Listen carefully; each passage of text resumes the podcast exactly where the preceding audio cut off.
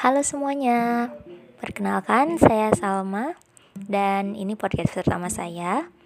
Nama podcastnya adalah Osasegi, obrolan santai seputar gizi. Dan berhubung ini podcast pertama, jadi saya memilih sebuah topik yang mungkin lebih relate buat ibu-ibu. Tapi kalau misalkan para pendengar semua belum jadi ibu, maka bisa jadi nanti kan jadi calon ibu juga ya kayak gitu. Oke jadi untuk tema di podcast pertama ini adalah tips memilih jajanan sehat untuk anak. Dan di sini khususnya anak prasekolah ya jadi sekitar usia 4 sampai 6 tahun. Oke, jadi dari tips tersebut kita langsung aja ya check this out. Yang pertama, yang pertama itu adalah pastikan kebersihannya. Jadi uh, sebelum nih sebelum ibu memilih jajanan sehat untuk anaknya bisa dipastikan dulu kebersihan dari dua hal. Yang pertama itu adalah dari segi tempatnya dan yang kedua adalah dari segi penjualnya.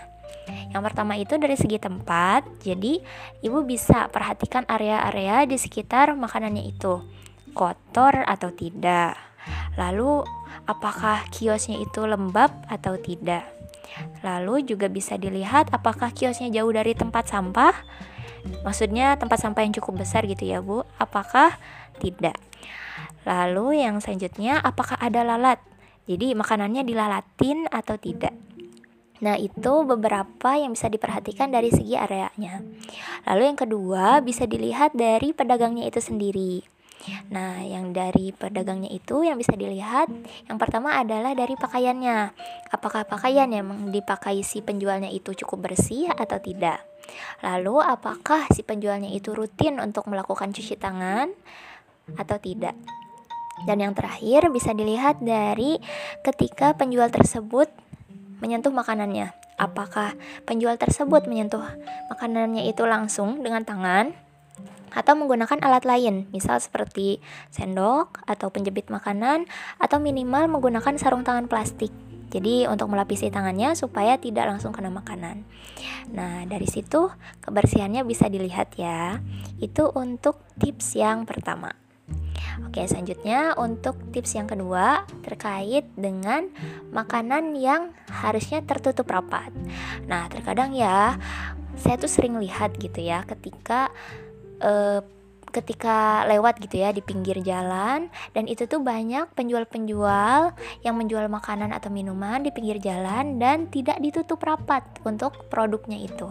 Jadi ketika kendaraan lewat gitu, mau itu motor, mobil ataupun truk, asap knalpotnya itu bisa saja gitu ya menempel pada makanan. Nah, ini perlu ibu-ibu waspadai karena bisa jadi si produk jajanannya itu sudah tercampur debu atau misalkan ada lalat atau bahkan kotoran lain yang bisa membahayakan kesehatan anak kita ketika memang jajanan itu kita belikan untuk anak. Nah, selanjutnya untuk yang tips yang ketiga, perhatikan bungkus makanannya. Nah, Bu, jadi kalau bisa Ibu tidak membeli jajanan yang memang dibungkus dengan kertas bekas. Jadi terkadang gitu ya, saya melihat penjual gorengan misalnya itu sering kali membungkus gorengannya itu dengan kertas bekas Nah, ini juga harus hati-hati nih, Ibu. Karena kita yang pertama itu terkait dengan kertas bekasnya itu kita tidak tahu kertas bekasnya itu apakah memang e, sudah melewati tempat-tempat mana saja, apakah sudah terkontaminasi atau belum, dan juga yang paling bahaya itu apabila kertas bekasnya itu di dalamnya terdapat tulisannya. Nah, tinta dari tulisan itu mengandung bahan-bahan yang cukup berbahaya. Nah, ketika dia menjadi bungkus sebuah makanan, khawatirnya si tinta itu akan menempel pada makanan dan bisa membahayakan kesehatan anak. Nah, dari situ ya, Bu. Itu tiga tipsnya. Jadi yang pertama tadi perhatikan kebersihan, lalu yang kedua adalah pastikan makanan tertutup dengan rapat, lalu yang ketiga makanan tidak dibungkus dengan kertas bekas. Oke, selanjutnya tips yang keempat adalah periksa label pangan. Jadi label pangan ini adalah tulisan-tulisan selain merek yang biasanya ada di jajanan kemasan. Nah, itu tuh termasuk informasi nilai gizi, komposisi, cap halal, nomor BPOM. Nah, itu termasuk ke dalam label pangan. Nah, pastikan Bu, ketika Ibu membelikan anak Ibu jajanan kemasan, pastikan yang pertama itu jajanan tersebut punya nomor izin edar. Jadi, nomor izin edar itu bisa bentuknya itu dari Dinkes PIRT tulisannya atau bisa juga berupa dari Badan Pengawas Obat dan Makanan atau BPOM. Lalu untuk yang muslim mungkin bisa mempertimbangkan apakah ada logo halalnya atau tidak yang dikeluarkan oleh MUI pada jajanan tersebut. Lalu periksa juga komposisi bahan-bahan dari jajanan tersebut.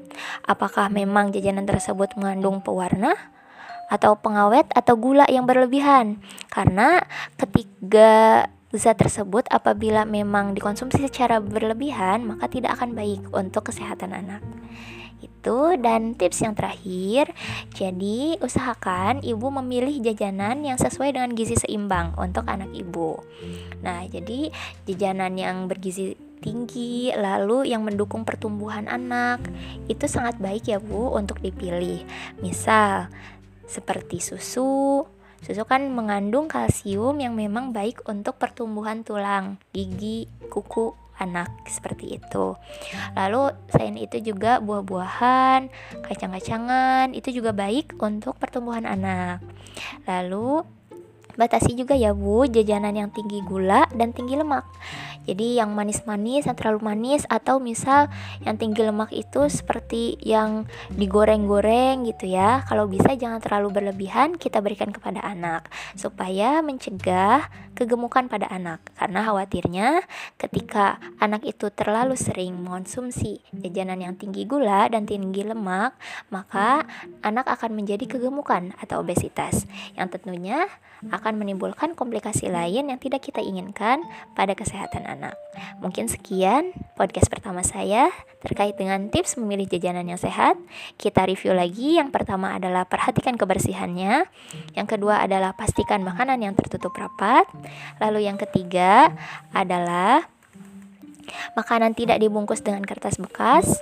Lalu yang keempat, periksa label pangan. Dan yang terakhir, pilihlah jajanan yang sesuai dengan gizi seimbang. Sekian mungkin ya. Terima kasih sudah mendengarkan.